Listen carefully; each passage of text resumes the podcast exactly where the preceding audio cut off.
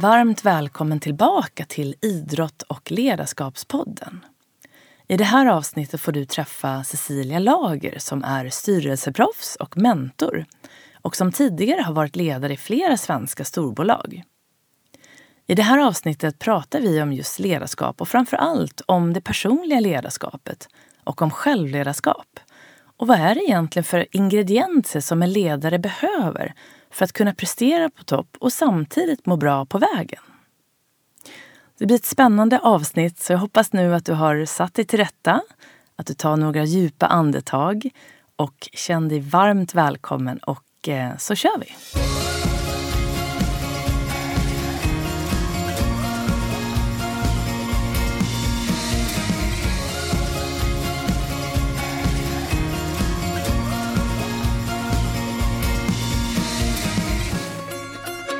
Varmt välkommen tillbaka till Idrott och ledarskapspodden.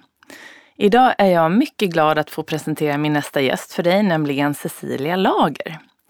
Cecilia är idag ett styrelseproffs med uppdrag i bolag med allt från konsulteri, digital positionering, globala logistiklösningar, kemteknik, private equity till finansiella lösningar.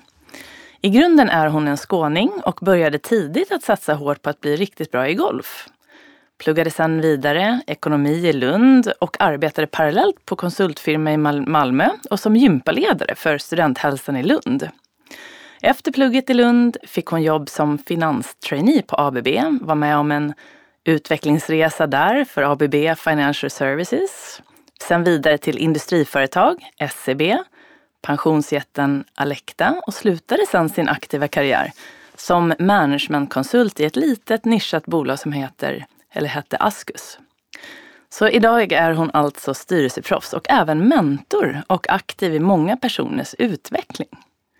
Varmt välkommen hit Cecilia. Tack så jättemycket. Är det något som du skulle vilja lägga till här i min presentation av dig?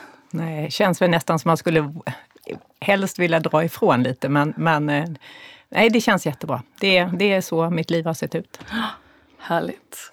Så det ska bli fantastiskt att få prata med dig lite mer om just eh, din bakgrund, erfarenheter men också om din roll som mentor och det här med utveckling hos en människa.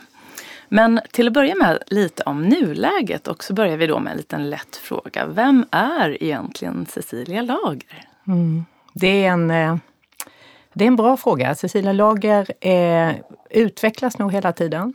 Eh, lägger vissa saker åt sidan och lägger på nya grejer.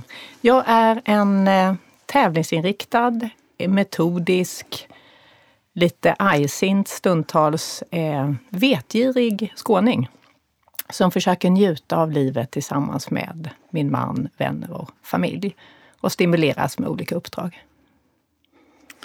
Och hur ser en dag i ditt liv ut idag? Mm. Det beror alldeles på var jag befinner mig. Om jag är i Stockholm så är det ofta arbetsrelaterat. Eh, och då eh, kan det vara så att jag vaknar tidigt på morgonen och börjar med en timme tennis med mina kompisar klockan sju.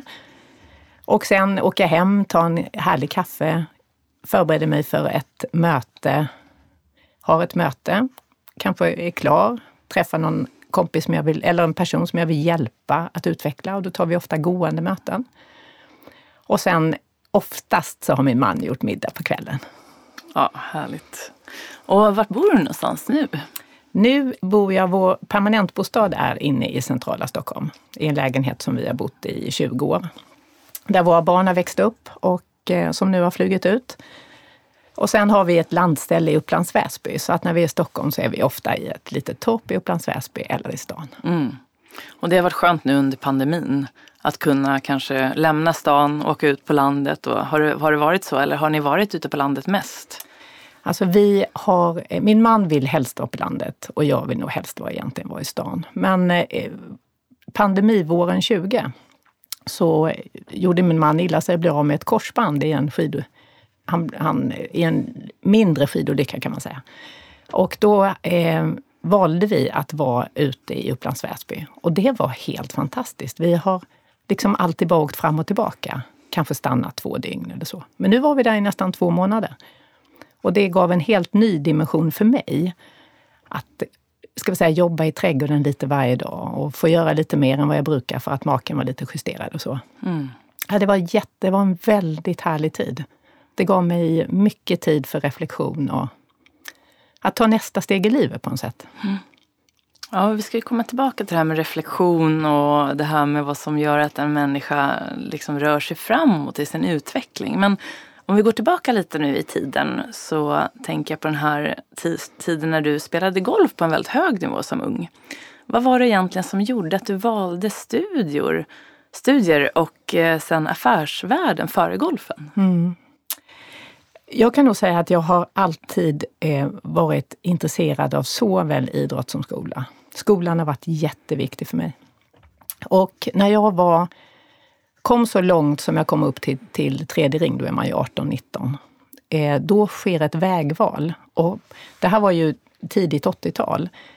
Och då hade man en bild av att du måste antingen satsa på golfen. Då var inte Amerika ett, ett vanligt alternativ att åka och studera, utan antingen golfen eller studier.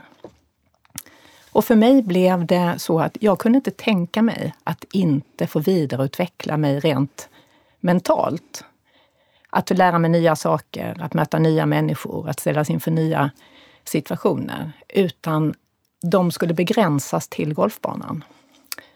Så när jag förstod det, då slutade jag tvärt. Vilket idag kanske var lite väl drastiskt. Men, men det var det alternativet jag såg.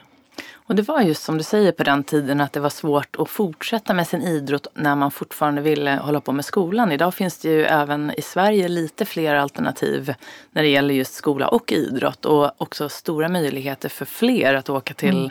till exempel college. Men då var det ju precis som du säger inte alls så många som gjorde det och det var väldigt ovanligt. Absolut. Så jag förstår valet också där. Mm. Men, men jag kan väl säga att det valet, när jag sen liksom har blivit lite vuxnare, så har det valet blivit så oerhört viktigt för mig att inga fler ska behöva ställas inför det.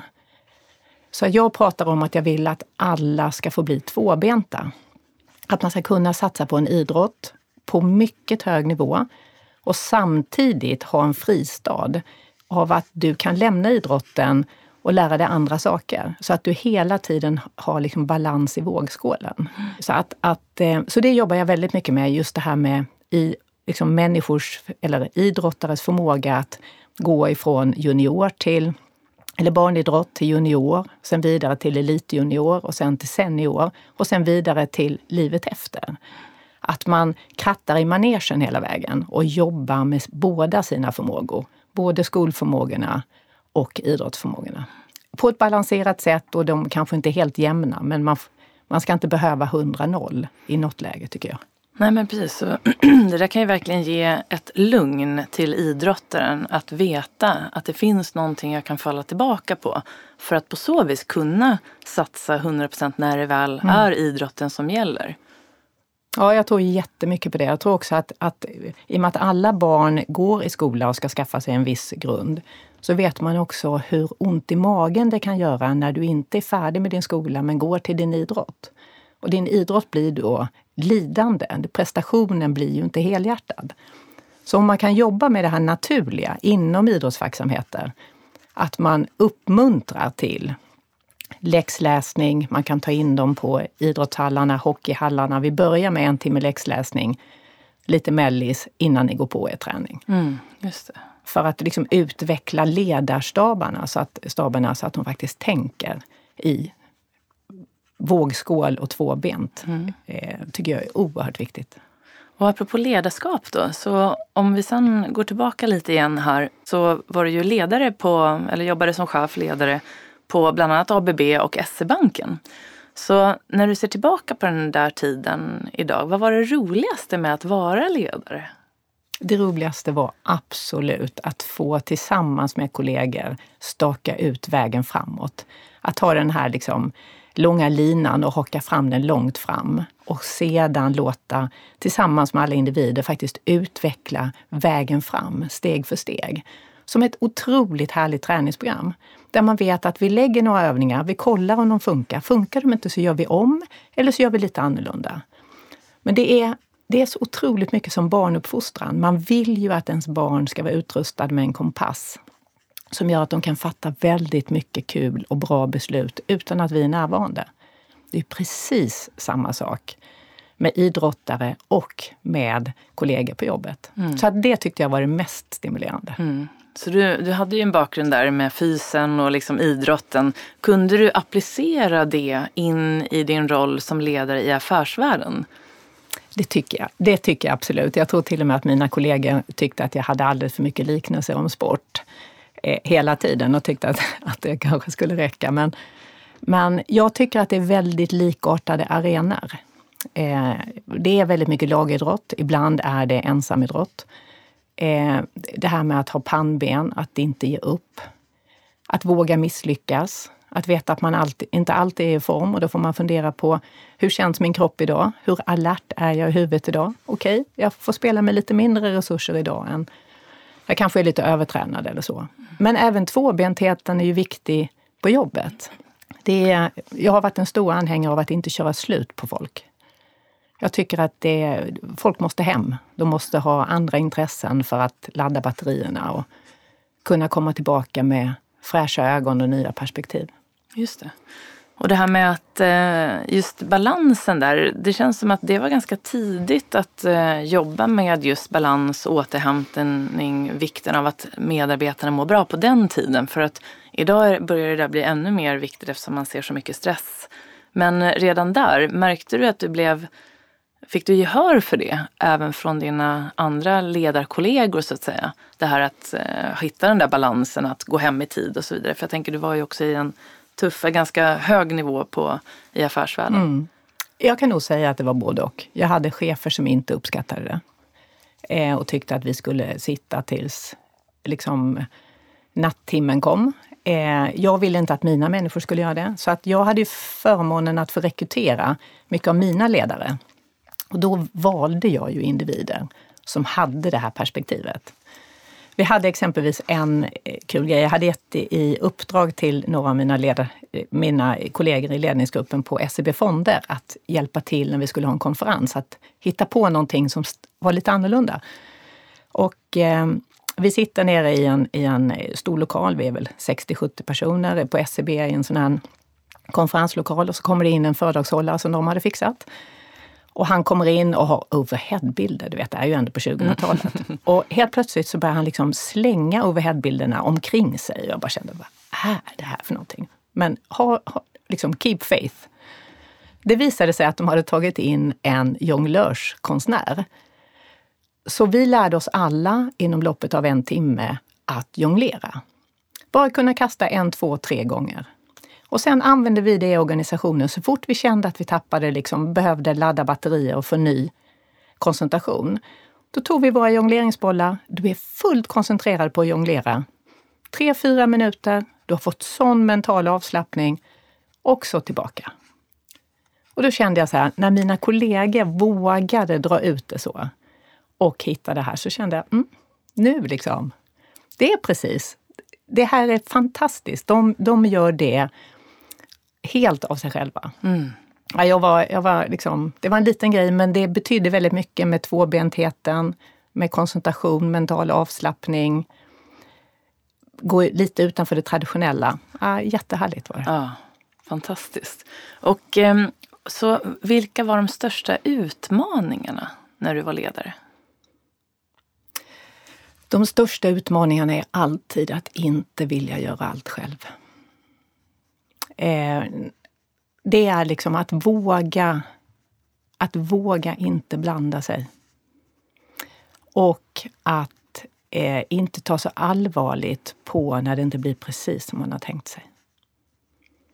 Skulle jag vända klockan tillbaka, det jag har lärt mig idag, det jag har fått vara med om, så, så skulle jag vara, skulle jag nog vara jag hoppas att det skulle vara lika kul som, som eh, att ha i sin organisation. Men, men jag skulle vara lugnare, jag skulle vara mer pragmatisk. Det är inte så farligt. Vi prövar om, vi gör om. Ja precis, så att eh, våga lita på den man är och ha tillit till, mm. eh, till det. Tror du att det kan leda till att man blir bättre på att delegera? Ja, det tror jag, för då är ju risken mycket mindre. Då vågar du släppa, du vågar du låta andra Jag var ganska bra på det, men jag skulle kunna, skulle kunna varit ännu bättre. Mm.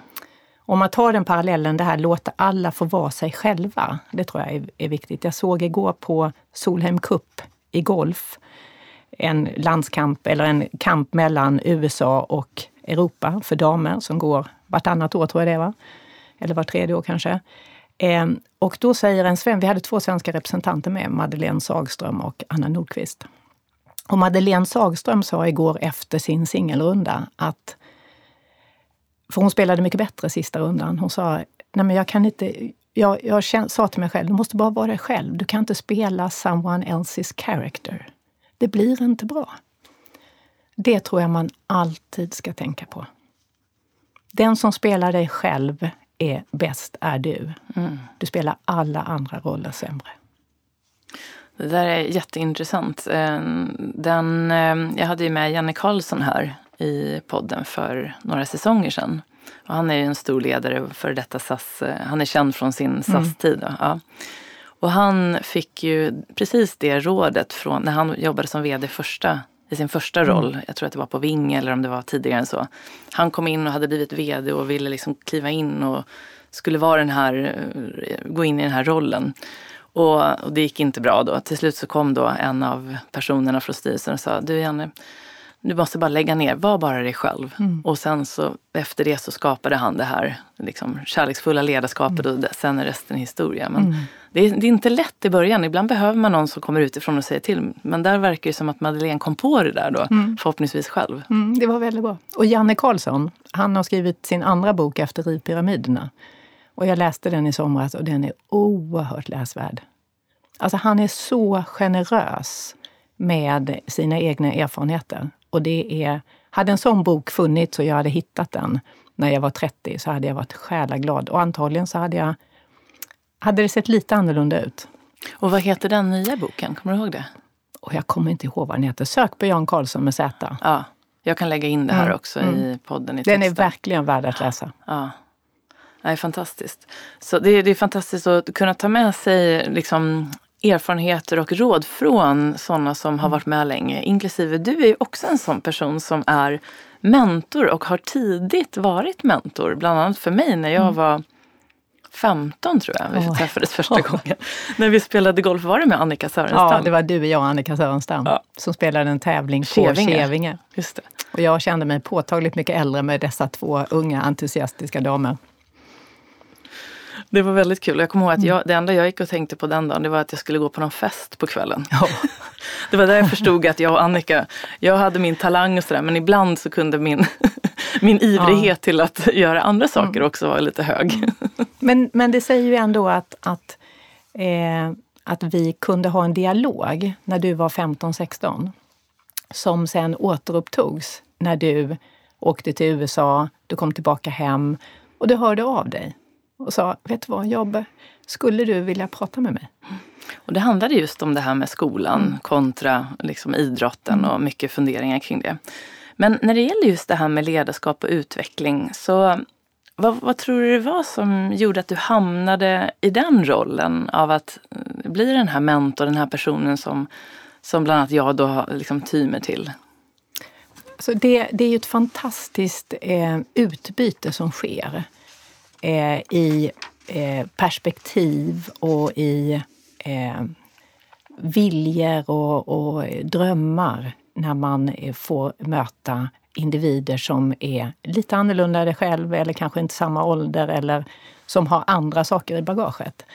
Jag får väldigt mycket energi av det. Jag tycker att det är en sån gåva till livet att kunna få ha de här diskussionerna och att få se när när med frågor och dialoger och paralleller, när poletter trillar ner hos den andra individen och även hos mig, för det förändrar ju mig också, de här dialogerna.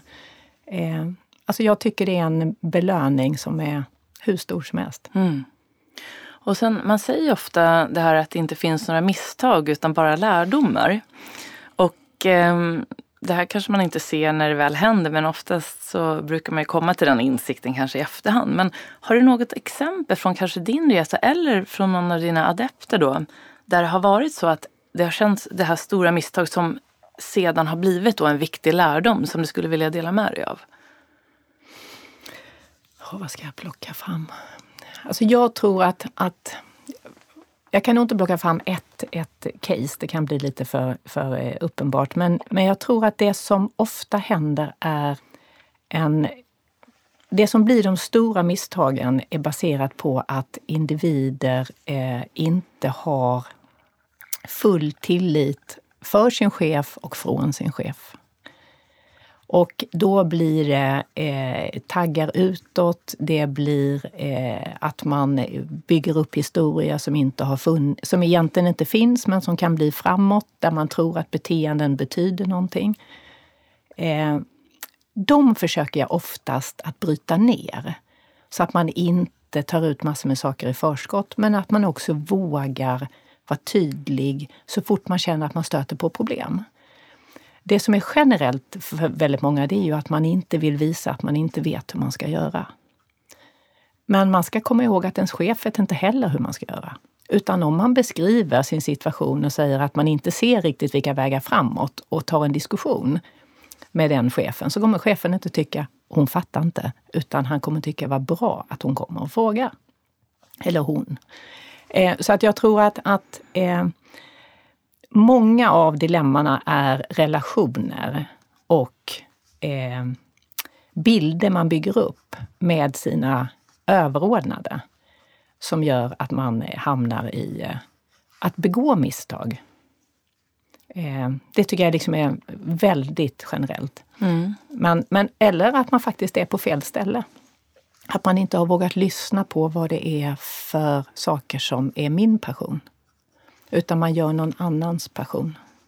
Hur tror du att man kan hålla, vad ska man säga, hålla koll på det här? Sin egen... Alltså det här att börja lyssna på sin egen inre som då kanske har pratat under en lång tid fast du inte har lyssnat då. Till exempel mm. om man är på fel plats eller där du märker att du börjar lämna dig själv och inte vara sig själv till exempel. Hur kan man bryta där och eh, så att säga förstå när det är dags att att eh, avsluta mm. kanske mm. eller gå till chefen och prata? Mm. Jag tror ju väldigt mycket på att, att hitta individer att prata med löpande.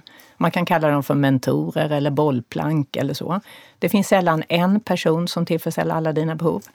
Men att våga prata om hur man känner det på jobbet. Och, men också för sig själv, att kanske lite då och då säga vad tycker jag är roligast med mitt jobb? Vilka frågeställningar tycker jag är roligast? Vilka situationer är jag sjukt obekväm i. Vilka människor på jobbet tycker jag det är kul att vara med? Och vilka tycker jag inte det är kul att vara med? Och sen så, i och med att det här är en rörlig materia, så kan man bara skriva ner det där för sig själv. Och så kan man titta på det och säga, är det likadant nu? Eller har något förändrats? Det kan ha förändrats. Då noterar man det. För då får man själv en trygghet i vad är det för, alltså man fattar själv vad det är för beslut man behöver ta. Men om man inte gör det tydligt för sig själv så lever det hela tiden i det dolda. Mm. Och det tror jag är det farligaste. För det äter det inifrån. Just det. Och um, vi pratade, jag vet när vi träffades för ett tag sedan, apropå, lite apropå det här, men också det här med din prestation kontra din förväntan om din prestation och att det ofta kan finnas ett gap däremellan. Man kanske har en förväntan om att det kan vara att man tycker att chefen ska vara på ett visst sätt där eller att jag ska vara på ett visst sätt.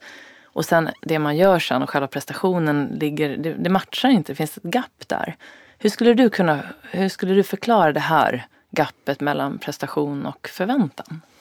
Ja, jag tror att, att det är ju nästan alltid ska vi säga, roten till det onda. Det är ju att min förväntansbild om hur perfekta alla människor runt omkring mig ska vara. Eller hur duktig jag själv ska vara. Jag tror alltid på det skrivna ordet. Skriv ner vilken förväntan du har på hur du vill att din chef ska bete sig eller vara, eller visa uppmärksamhet exempelvis. Då ser man nästan, men det där skulle inte jag klara själv om jag var chef. Eller skriv ner din, din förväntan på din egen prestation. Eh, och så bryt ner den i delar så att du känner att... För om du har för hög förväntan så blir man nästan alltid besviken. Och blir man, är man på väg att bli besviken, då kommer man i en defensiv position. Och då vet alla vi att då fungerar inte kroppen bra. Är man tennisspelare och, och blir osäker, då får man gamarm. Samma sak händer på golfbanan. Är man fotbollsspelare så tar man inte initiativ till att våga bryta bollen för då är man, då är man rädd, och väntar man. Samma på hockeyplanen. Och precis samma sak är det på jobbet. Man är liksom, man väntar för länge och man blir lite skotträdd. Så att, att jobba med att prata med någon eller faktiskt att ha sin egen lilla bok. Eller att prata i micken i sin egen mobiltelefon och lyssna på vad man säger. Det är också ett väldigt bra sätt att jag tar liksom ett test på var befinner jag mig egentligen. Mm. Och det var ett så bra exempel det där med att bli skotträdd eller att man blir defensiv. Det är väldigt tydligt inom idrotten. Man ser till exempel apropå Solheim Cup vi mm. pratar om nu. Eller också Europatouren som också gick i Sverige samtidigt. När en golfare inte riktigt eh, vågar möta sitt mål, när det finns en osäkerhet där, då kommer inte hon att svinga igenom ordentligt. Och om man tar det då till jobbet så mm. skulle det vara att man inte riktigt vågar vara sig själv. Mm. Du håller igen lite vad du egentligen tycker. Vågar kanske inte vara ärlig. När frågan kommer från chefen, trivs det här? Eller vad det nu kan vara, att det liksom håller igen. Så det var ett jättebra exempel tycker jag. För det är ju också ett tecken då när man börjar känna det där. Att börja skriva ner i sin bok, börja kanske prata med någon. Vad är det som händer här egentligen? Mm. För att få lite tydlighet i sin, sina tankar och känslor. Mm. Och sen så tror jag att, att vi är ganska duktiga på att eh, analysera det som vi upplever inte har gått helt rätt. Men vi är ofta väldigt, vi bara går förbi det som går väldigt bra. Och jag tror mycket på att när du liksom har gjort den här, fått igenom den här fantastiska affären eller haft en otroligt bra intervju. Sätt dig ner efteråt och fundera på vad var det som gjorde att det gick så bra? Att det kändes så bra. Och skriv ner det. Skriv inte bara ner när det inte har gått bra. Eh, och när det inte har gått bra, så skriv inte ner för mycket utan fundera på vad skulle jag gjort annorlunda? Och skriv ner det. Så att man ska, vi ska, apropå det här med positivt tänkande, även ifall det kan låta väldigt amerikanskt, så tror jag otroligt mycket på att befästa det bra beteendet och framgångar. Vi firar ju framgångar i idrott. Alltså vi firar, och det firar vi små framgångar. I golfen igår, de satte en, en, en putt på en och en halv meter. Den ska i, om man är så duktig. Och de bara knöt näven och slog varandra i händerna. Det tycker jag man ska göra även på jobbet och i privatlivet. En liten knuten näve, ett litet high five. Liksom, ge dig själv mer positiv återkoppling. För det lagras i bagaget. Det blir mm. fantastiskt. Så vad skulle du säga gör att en person kan prestera på topp när det gäller? Jag skulle tro att man klarar av att lita på att man kan. Man ser händelsen framför sig, det där positiva samtalet på jobbet eller eh, idrottsinsatsen. Och sen säger man, nu låter jag kroppen sköta det. Och det är precis samma sak när du ska prata ett internationellt språk eller när du ska sitta i en förhandling. Låt, låt din kropp sköta det. Analysera innan. Bestäm dig för vad du ska göra. Och sen låter du dig sköta det. Mm. Det är receptet i golf, det är receptet i tennis, det är receptet på jobbet. Det är säkert också receptet i relationen. Även ifall inte jag är superexpert på det. Men... så, så nu kommer vi lite grann till det här med självledarskap som jag lägger märke till är ju väldigt viktigt och väldigt mycket upp i ropet hos företagen idag med tanke på att många fler jobbar hemifrån, kanske inte är vana att jobba hemma så det här självledarskapet blir då ännu viktigare. Man har mycket mer frihet under ansvar. Um, och då undrar jag lite grann, vad är egentligen viktigt för att kunna leda sig själv? Jag tror, jag tror det handlar mycket om tilltro. Tilltro till min egen förmåga i en viss given situation. Jag läste idrottspsykologi här efter att jag hade lagt av med min operativa karriär på GH. Och eh, fick, har fått med mig en bra verktygslåda tycker jag. Det som man pratar om men som man kanske inte har satt i, i sammanhang. Bland annat så, så pratar man mycket om självkänslan naturligtvis, som är liksom min rättighet att få vara precis den jag är. Eh, många eh, har en ganska god självkänsla. Men så hör man många säga att jag har så dåligt självförtroende. Och jag har känt hur länge som helst, men vad är självförtroende? Då hjälpte eh, GH mig med att säga att självförtroende är tilltron till min egen förmåga i en viss given situation. Bara det gör det ju lite befriande, att jag kan vara lite duktigare på ett ställe än på ett annat. Och sen bröt de ner det i fem delar. Och så känner man att om jag kanske har två eller tre som är bra, så kan jag ändå känna mig trygg. Det är tilltron till min tekniska förmåga. Och på jobbet kan det ju vara att jag är duktig på att göra de där matematiska beräkningarna eller metoderna för sociala medier eller någonting. Tilltron till min fysiska förmåga. Till min mentala förmåga. Till min förmåga att hantera spelet när spelet pågår. Och det är ju lika mycket spel på en fotbollsplan som det är spel på ett kontor. Och sen den sista som är fantastisk, det är tilltron till min förmåga att utvecklas under tiden som det pågår. Ni vet den här känslan när man känner att man faktiskt blir, man lär sig bara genom att prata med den andra eller göra någonting. Om man gör de små testen och tittar på, ja men jag är lite bra tekniskt. Ja men jag är ganska fysiskt. Ja, jag är inte, mentalt är jag inte stark idag, men jag är jävla duktig på att läsa spelet. Då kan man snabbt känna så här, jag kan vara lugn. Jag har tilltro till min förmåga. Då vågar man tänka mål, då vågar man släppa kropp. Mm.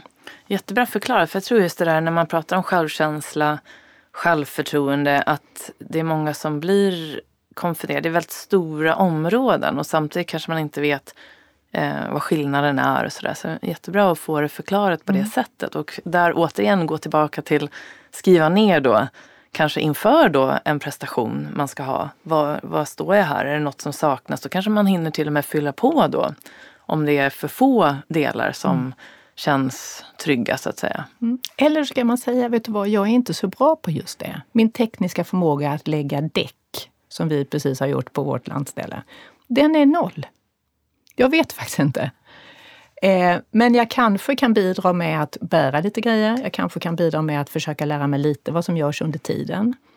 Men om jag kan vara lite tydlig med vad jag kan och vad jag ännu inte kan. För det tycker jag också är viktigt att säga. Jag kan inte det än. Det är ingenting som säger att jag inte kommer lära mig det, men än kan jag inte det. Så tror jag att det skapar en väldigt bra grogrund det är inget bra ord för en skåning faktiskt. Eh, men en bra bas för mm. att eh, eh, kunna prestera eh, ditt absolut bästa jag. Mm. Och vilka ingredienser har du upplevt eller kan du se hos en person som utvecklas, rör sig framåt, eh, både när det gäller sitt välmående och det här med prestation? Eh, upplever du, vad har en sån person, vad är det man behöver eller vad har man för ingredienser kan man säga, mm. eller egenskaper? Mm. Du pratar med en person som är helt övertygad om att talang är, in, är man inte född med. Talang är någonting man utvecklar. Sen kan vi ha fallenhet för lite olika saker. Men om vi inte tränar det blir det inget bra. Så allt handlar om att träna på olika saker. Men jag tror att de egenskaper som man kan träna på för att eh, eh, man ska ha en, en kul utveckling i att hitta sitt bästa jag, så är det nyfikenhet, att våga pröva, att prata om framgångar, att prata om eh, förbättringar eh, och att hitta kompisar som fyller de luckor som inte du har. Att se till att bygga, att bygga laget, att inse att jag kan inte göra allt själv. Det är helt omöjligt för mig att spela elvamannafotboll själv. Jag måste ha kompisar som hjälper mig att nå målet. Vad skulle kunna vara ett hinder på den här vägen? Säg att du kanske har de här delarna inom dig. Men du liksom, det finns någonting som hejdar dig, som hindrar dig. Vad, vad är de största hindren i en människas utveckling som du brukar se? Mm. Jag tror det är rädslan att inte bli vald. Eh, och jag tror att det är rädslan av att visa att det inte... Att man kanske inte klarar det redan första gången. Och då låter man hellre bli. Jag har ett jättegott exempel på det inom matlagning. Där har jag inte byggt upp en grundkunskap. Eh, och där måste man våga pröva. Man måste våga misslyckas. Man, liksom, och då behöver man lite mer tid och man behöver vara lite transparent på att säga att det kanske inte blir en Michelin-middag utan jag håller på att utvecklas. Eh, och det är inte så lätt. Speciellt inte om du är bra på, på några saker och sen är du liksom lite mer nybörjare på andra. Man måste acceptera att vara nybörjare på vissa. För det handlar ju om tilltron till förmågan i en viss given situation. Och det innebär att jag kan vara mycket bekvämare på plats A än på plats B. Precis, och det där kan ju vara ett hinder som, som man kan märka om du är van att vara väldigt duktig på många områden och sen så då ska du ta dig an ett nytt område där helt plötsligt så blir det inte riktigt så. Det blir helt enkelt inte som du har tänkt dig, apropå för att återgå det här med förväntningen kontra prestationen. Mm. Men hur lär man sig där då att acceptera sig själv liksom 100 procent oavsett hur du presterar? Mm. Det är ju också en träningsfråga, tror jag. Att, att eh, det handlar ju, vi kan kombinera ihop det med det här prestation och förväntan. Eh, du skulle aldrig förvänta lika mycket av någon annan som du förväntar dig av dig själv. Därför så säger jag väldigt ofta till människor jag möter, att, eller som vi har diskussioner, att om du ska skriva ett introduktionsbrev om dig själv. Tänk att du är din bästa kompis som skriver det här brevet. Då blir brevet helt annorlunda formulerat än om du formulerar det som om det är du själv. För du känner, nej det tar jag inte med. Usch, nej, det där lät ju inte bra. Eh, så det, det är det ena. Sen att faktiskt skriva ner vad man har för förväntningar på sig själv. För du skulle, jag, jag har mycket högre förväntningar på mig än vad jag någon gång skulle ha på dig. Jag har så mycket större tolerans på att du säger, nej men det där kan inte jag. Nej men vänta, kom så prövar vi då. Var lika schysst mot dig själv. Och att det är en träningssak som du säger. Det är inte lätt om det nu är van att vara väldigt, man kanske har levt många år med att vara väldigt eh, van vid att prestera och, och, sätta de här höga kraven och att helt plötsligt då börja förstå att men gud, jag kan vara väldigt mycket schysstare och snällare. Det betyder inte att min prestation behöver bli sämre. Nej. Det tror jag kan vara ibland det som man tror. Att om mm. jag släpper garden lite här och blir lite snällare, då kanske jag inte presterar. Och sen tror jag också att, att vi pratar ju väldigt mycket i idrott om att inte vara orienterad utan vara processorienterad. Att titta på utvecklingsprocessen istället för slutresultatet. Eh, att titta på, gör jag mina rutiner rätt? Förbereder jag mig rätt? Har jag, eh, liksom, känner jag att jag är trygg i förberedelsen? Är jag trygg i min målbild? Och så får man se vad resultatet blir. För det är ju det jag kan kontrollera. Så att jag kan ju inte kontrollera resultatet, men jag kan kontrollera förberedelserna. Eh, och det tror jag att vi ska vara mycket noga med i resten av livet. Att fundera på att jag ska titta mycket mer process än vad jag ska titta på slutresultat. Mm. Och då kommer vi in, apropå det här, vad som, apropå vad som kan hindra oss då på den här resan och kunna se klart. Eh, och även eh, vara sin bästa vän. så att säga. Och om man då upplever stress så kan det vara som en hinna som nästan lägger sig över och då är det svårt att, att göra det här. Och det här är ju någonting som då har ökat genom åren. Förhoppningsvis blir man lite mer van att hantera det inom företag och också inom idrottsvärlden. Men eh, vad tänker du, vad är det viktigaste att tänka på om du nu sätter dig in i rollen som kanske mentor men också som chef och ledare eh, när man jobbar med människor för att få ett hållbart ledarskap? Hur, hur ska man börja hantera det där med stress och vilka signaler kan man lyssna på? Jag tror att, att det stora, om jag tittar på den, den yrkesrollen jag har idag, där jag sitter, ska vi säga, i det sista eh, bestämmande organet som finns i ett företag, men som också inte finns på plats i bolaget, så tittar vi ju mycket från läktaren och in och ska få rapporterat. Och eh, det jag tror att vi är alldeles för dåliga på, det är ju att se människan först. Vi ser i väldigt många bolag så ser man resultatet. Eh, om man ser människan, om man kan individens namn, om man på allvarligt är intresserad av hur dina medarbetare mår. På riktigt. Det är inte bara en klyschfråga, det är en fråga där du är beredd att agera på vad individen säger. Då tror jag att det skapas ett mycket mindre stressigt klimat i bolaget. Och det här är en jättelång resa att på allvar vara intresserad av de människorna. För hur digitaliserade vi än blir i alla bolag så är det människorna som hanterar processerna och relationerna. Så om du som människa i bolaget eller som en medveten känner att du blir sedd från högsta instans och ner så skapar det då en trygghet och det är ju grunden också till att våga så att säga misslyckas, våga säga vad man tycker och, och våga jobba med sig själv om man nu behöver det och skapa den här eh, kompetensen kanske som behövs som saknas mm. och så vidare. Det är jag helt övertygad om. Mm. Och varför är det så, hur tror du att vi ligger till där? Du som är, har insyn till många stora bolag. När det gäller förmågan att se människor och verkligen på riktigt, på allvar bry sig om välmåendet för att på så vis skapa den här prestationen man, man vill ha i mm. företaget. Mm. Alltså jag, jag, jag, tror att, att eh, yngre bolag med yngre människor eh, är bättre på det här än de liksom gamla traditionella bolagen, även ifall de börjar bli väldigt mycket bättre. Jag tror att man tror att det är lite flummigt och lite mjukt. Att det inte är de hårda uppföljningstalen och uppföljningssamtalen och så. Eh, men jag ser ingen negation i det där. Man kan, kan ha väldigt hårda, handfasta mål för vad man ska leverera och löpande avstämningar. Men du kan ändå bekymra dig om hur mår den som ska utföra det här? Vad är det man kan hjälpa individen med? Vilka resurser behöver du? Är det någonting som du tycker är riktigt obehagligt som vi ska plocka bort från dig, som någon annan kan hjälpa dig med? Hur ska vi skrädda din situation för att du ska få liksom, uppgifter som, där du går igång? För man vet att man kan lägga ner hur mycket tid som helst på saker som faller en naturligt, som man gillar. Och så vet man hur ont i magen det gör att göra de andra.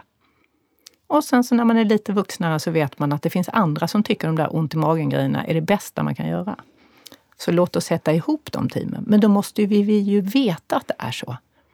Jag kan ju inte gissa hos mina medarbetare att det finns, de inte gillar B men gillar A.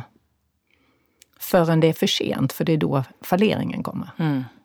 Så att våga prata om dem och ha ett ledarskap eh, som gör att individerna med lätthet släpper fram det. Så hur skulle ett måndagsmöte till exempel kunna se ut i ett företag? Säg att du vill skapa den här miljön.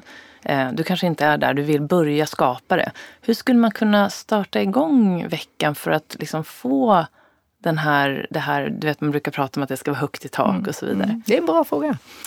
Jag har inte riktigt tänkt, men om, om jag så här från ryggmärgen skulle svara så skulle jag nog gå igenom att alla skulle få berätta det bästa de har gjort. Det roligaste de har framför sig. Och de skulle nog få säga så, vad behöver de hjälp med? För det där tycker de inte är kul. Mm. Jättebra. Det finns ju en eh, sån här, eh, apropå positiv psykologi som vi var inne på, att man förstärker ju oftast eh, energin hos människor när man liksom eh, fokusera på det positiva och om det är något negativt att man då uttrycker sig att det här vill jag ha hjälp med, inte så här och det här är dåligt. Mm. Um, och det är ju Martin Seligman som mm. jobbar med den här tre, att du ska avsluta varje dag med att skriva ner tre saker du har gjort bra, som du är stolt över samt skriva ner varför du tycker mm. det. Och det kan man ju då ta in här väldigt smidigt kanske även på företaget. Faktiskt, Absolut. Absolut. Det mm. tror jag jättemycket på. Mm. Det är liksom inte, företag är inte en isolerad ö. Utan det är också en del av samhället. Så att, att ju mer vi väver ihop olika discipliner, desto roligare får vi ju på, liksom, i, på vår vakna tid, tror jag. Mm, mm. Det är min övertygelse i alla fall. Och, och det här med stress är ju någonting som vi pratar om det mycket och det är också ett väldigt brett liksom, ord. Vad är egentligen stress kan man fundera. Men det som vi också vet är att stress handlar om kopplingen mellan kropp och sinne. Alltså det mentala och det fysiska hänger väldigt mycket ihop. Man brukar oftast kanske inte märka att man är stressad förrän kroppen bara lägger ner och då har man blivit liksom utbränd och kanske inte kan gå till jobbet mm. längre. Man har tappat eh, signalerna från kroppen, slutat lyssna på kroppen. Men och här vet jag att du har varit med om en, en period eller en, eh, vad ska man säga, en liten händelse i ditt liv där du verkligen kunde se hur kroppen kan reagera eh, på kanske en eh, form av stress. Skulle du mm. vilja dela med dig av den mm. här händelsen? Mm. Ja, jag, jag, förstår vilken händelse du, du pratar om när du tittar på mig. Eh, jag är eh, uppväxt som eh, sandréfärgad skåning.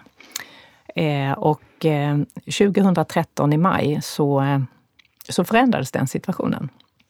Eh, det var en händelse där en av mina absoluta väninnors man valde att avsluta sitt liv. Och både han och hon stod eh, mig och min man oerhört nära. Jag var på väg på en vandring eh, på, eh, på Mallorca tillsammans med lite eh, kompisar.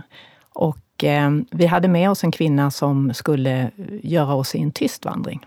Så att jag eh, valde att inte åka hem utan eh, det ombesörjdes att, eh, att när, kompisar som stod mina, våra vänner närmare eh, var i akutsituationen och jag kom hem fyra dagar senare. Under den här vandringen där vi fick reflektera med sinnen, smak, lukt, doft. Vi doftade, vi smakade, vi hörde, vi såg. Och vi pratade inte. Eh, så gick mitt hår, trots att jag hade på mig en liten hatt, eh, från eh, brunt till guld. Och min man undrade vad jag hade gjort och min frisör när jag kom hem tittade och sa att jag var alldeles kritvit i hårbotten. Och fyra, fem, sex veckor senare så var jag helt vit i håret. Alltså det existerande, det, det existerande håret transform, transformerade sig från brunt till vitt. Och sen mm. dess är jag vithårig. Och det är, säger för mig som är en har haft en upplevelse av att jag är en liksom, strukturerad, analytisk, eh, i färger typisk blå person. Eh, och med mycket rött. Eh, att jag är så att min kropp var, tog så mycket känslor så att eh, den var tvungen att göra någonting och det gick ut i att mitt hår förändrades. Mm. Väldigt... Eh, jag har aldrig varit med om något liknande. Jag har aldrig sett något liknande heller. Jag har sett liksom en Lasse Holmqvist-lugg, men, men inte något sånt. Så hur, hur kände du inom dig under den här förändringen, så att säga? Vad var, kände du att du kunde sörja till exempel, eller vad var det som hände rent känslomässigt och mentalt? Alltså det, I sådana här situationer försöker man både begripa och och man, blir, man, är, man förtvivlar. Jag insåg att det var ju inte min make, det var ju min väninnas man. Men våra livssituationer var ändå så pass lika så att jag tror att det ställde väldigt mycket på ända eh, för mig. Men jag hade ju möjlighet att reflektera. Och jag kände faktiskt när jag kom hem att jag bestämde mig för att... Då jobbade jag som managementkonsult och jobbade väldigt mycket. Jag trodde att det skulle innebära att jag jobbade lite mindre. Det var lite det som gjorde att jag gick dit. Men jag jobbade ännu mer. Jag tyckte det var så kul kunduppdrag och jag fick vara med i fler grejer. Så att jag jobbade jämt. Men då, var, då bestämde jag mig för att nej, nu ska jag ändra min livskomposition. Nu ska jag ta hand om mig på ett bättre sätt. Jag ska få en bättre balans. Jag ska göra mer saker som jag vill tillsammans med man och familj och vänner. Och jag gjorde faktiskt det. Så att nu ser min liksom, komposition på veckor och månader helt annorlunda ut än det gjorde innan den här händelsen. Precis, och den ledde till att du kunde göra den här reflektionsresan kan man mm. säga för att sen också ändra praktiskt mm. livet. Tror du att man behöver ha en sån erfarenhet för att komma till den insikten eller kan man få den så att säga, insikten till balans ändå? Mm. Tidigare mm. så att säga, så att man gör det i förebyggande syfte. Jag är helt övertygad om att man inte behöver få en sån omvälvande händelse. Utan det jag jobbar mycket med nu är ju att hjälpa individer och mig själv och kompisar och alla jag kommer i närheten av att hinna reflektera mer i det löpande livet och göra mer förändringar beroende på att livet faktiskt går framåt och att man inte är en statisk varelse. Så att jag är helt övertygad om, det behöver man inte. Jag tycker faktiskt knappt att jag behövde det. Men, men, eh, men jag drog ändå lärdom av att min kropp reagerade så starkt. Det måste ju betyda att jag faktiskt eh, ska lyssna lite mer på det inre. Och jag tycker det är så bra, apropå det här med som vi pratade om att ha någon att prata med eller kanske själv skriva ner. För jag kommer ihåg när vi har haft en av våra många träffar så vet jag att jag hade haft lite tryck på bröstet under en period. Jag visste inte exakt vad det var. Och då vet jag att du sa så här, nej, vi pratade lite och så sa nej men det där med tryck i bröstet, det ska vi nu, det ska vi bena ut. Och så gjorde vi den här lilla frågeresan. Där du ställer frågor och jag får svar. Och till slut så, och just då var det ju väldigt tydligt att min kropp började säga ifrån. Eh, min erfarenhet av andra också är att det brukar vara hjärtat, alltså tryck här eller halsen eller magen. Så att, att verkligen ta sådana små mm. signaler på allvar. Um, och sen ha någon att prata med. För mm. att liksom, då behöver det kanske inte, som du säger, gå så där långt. Man, och, det, och därför tror jag mycket på att, att samtalet är en nyckel. Frågor, reflektion, svar. Fundera på vad man själv svarade. Eh, svaren finns inom en. Man behöver bara hjälp att få de rätta frågorna ställda. Och dina svar ger, ger, ger eh, trådar till nya frågor. Så att även ifall frågeställaren inte vet vad det är för frågor den kommer ställa hela vägen, så kommer det ge sig bara med några inledningsfrågor och sen ger dina svar anledning till en ny typ av fråga. Och, och många gånger så kommer man fram till fantastiska eh, uppenbarelser mm. eh, som individen själv ser och svarar på. Och att man vågar när man har en annan med sig. Man mm. vågar möta det där som man kanske inte ibland vågar sätta ord på. Det kan mm. vara något, något som kanske kommer leda till att jag behöver säga upp mig eller att jag kanske måste skilja mig eller sånt som man mm. inte vill. Men det går, kroppen kan inte, kan inte säga ifrån. Så att, eh, då kan det vara skönt att ha just mm. det där som du säger, någon att vara, prata med. Jag tänkte på det här, vi är ju i, i min studio här som hjälper oss med podden här, Smile Production eh, Casting by Smile. Och på toaletten står det så här, What would you do if you weren't afraid? Mm. Det är en bra fråga mm. apropå, eller hur? Mm. Och då är det bara att fråga sig, vad är det värsta som kan hända? Mm. Och väldigt sällan är det riktigt farliga saker som kan hända. Så att, att eh, kan man plocka bort lite rädsla eh, löpande under dagar och veckor så, så är man en vinnare. Och vad gör du själv för att, eh, så att säga, hålla din återhämtning på plats och fylla på energin och så.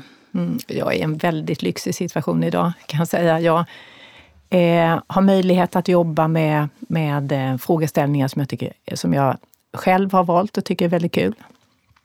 Eh, och lämnar oftast det som jag känner att jag inte brinner för och då kan jag inte leverera det bästa jag kan.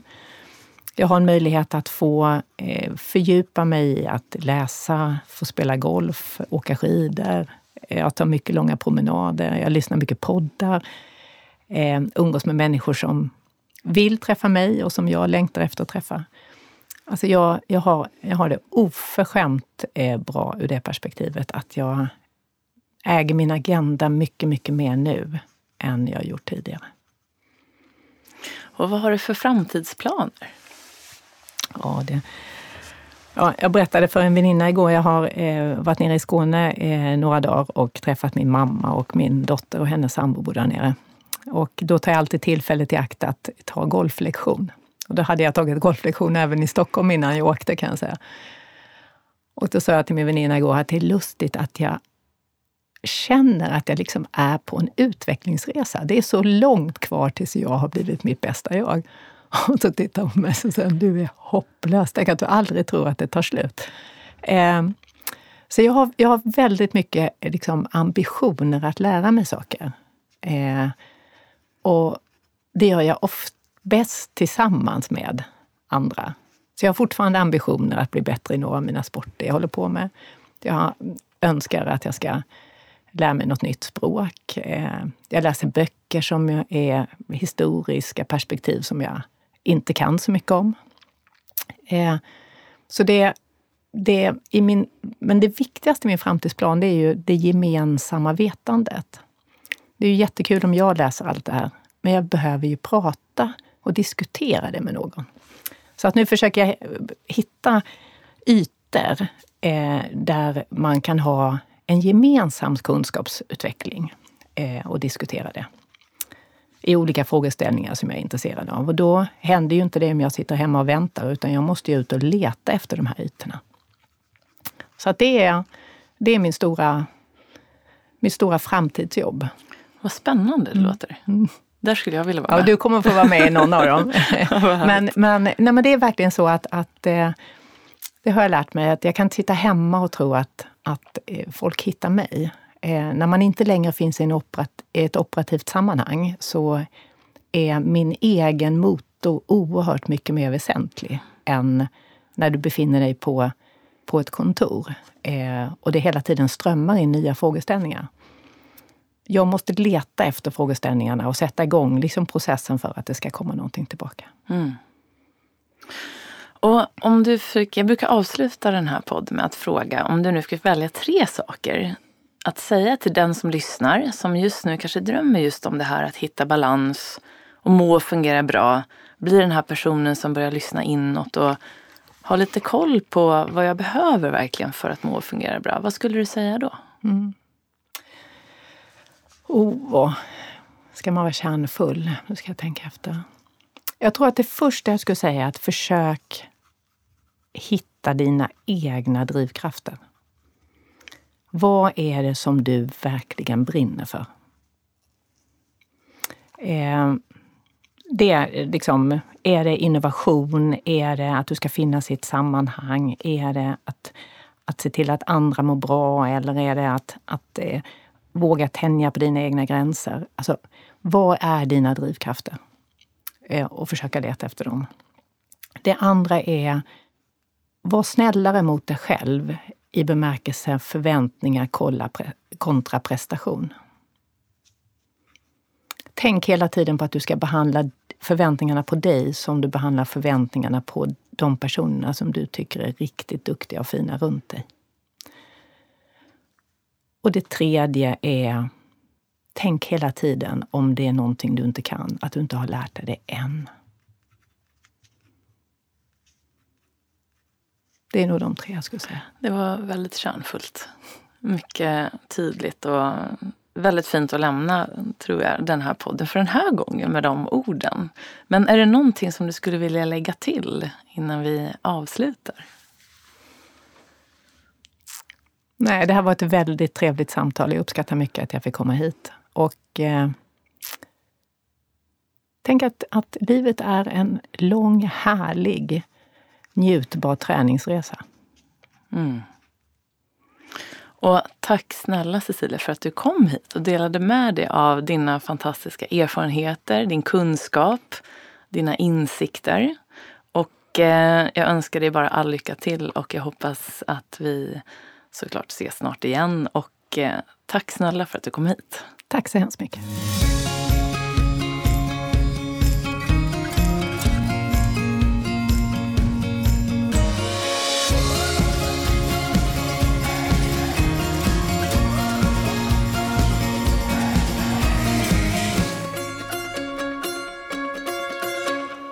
Då har du fått lyssna till mitt samtal med Cecilia Lager och jag hoppas att du har fått med dig en hel del kunskap och inspiration som du kan ta med dig in i din egen vardag. Och som du kanske förstod här i avsnittet så har då Cecilia också varit mentor till mig i många, många år och jag kan verkligen varmt rekommendera dig att ha en mentor. Eller någon person i alla fall som du kan prata med vad gäller ditt eget ledarskap, situationer på jobbet och även privat. Och jag tror att de flesta av oss då och då behöver någon att prata med och att få någon utifrån som kan se situationer lite mer objektivt är otroligt värdefullt. Och samtidigt någon då som du vet står verkligen på din sida. Och vi pratar också om Jan Karlsson och eh, hans ledarskap. Och vill du lyssna mer på det och om honom och hans syn på ledarskap så finns han med här i podden i säsong 3 och avsnitt 18. Så då kan du gå in och lyssna där. Och nu önskar jag dig en fortsatt härlig dag eller kväll och vill du veta mer om vad som är på gång hos mig så kan du gå in på min hemsida jennyhagman.com eller så följer du mig på Instagram på att Jenny Hagman. Och så hoppas jag att vi ses här snart igen. Ta hand om dig. Hej då!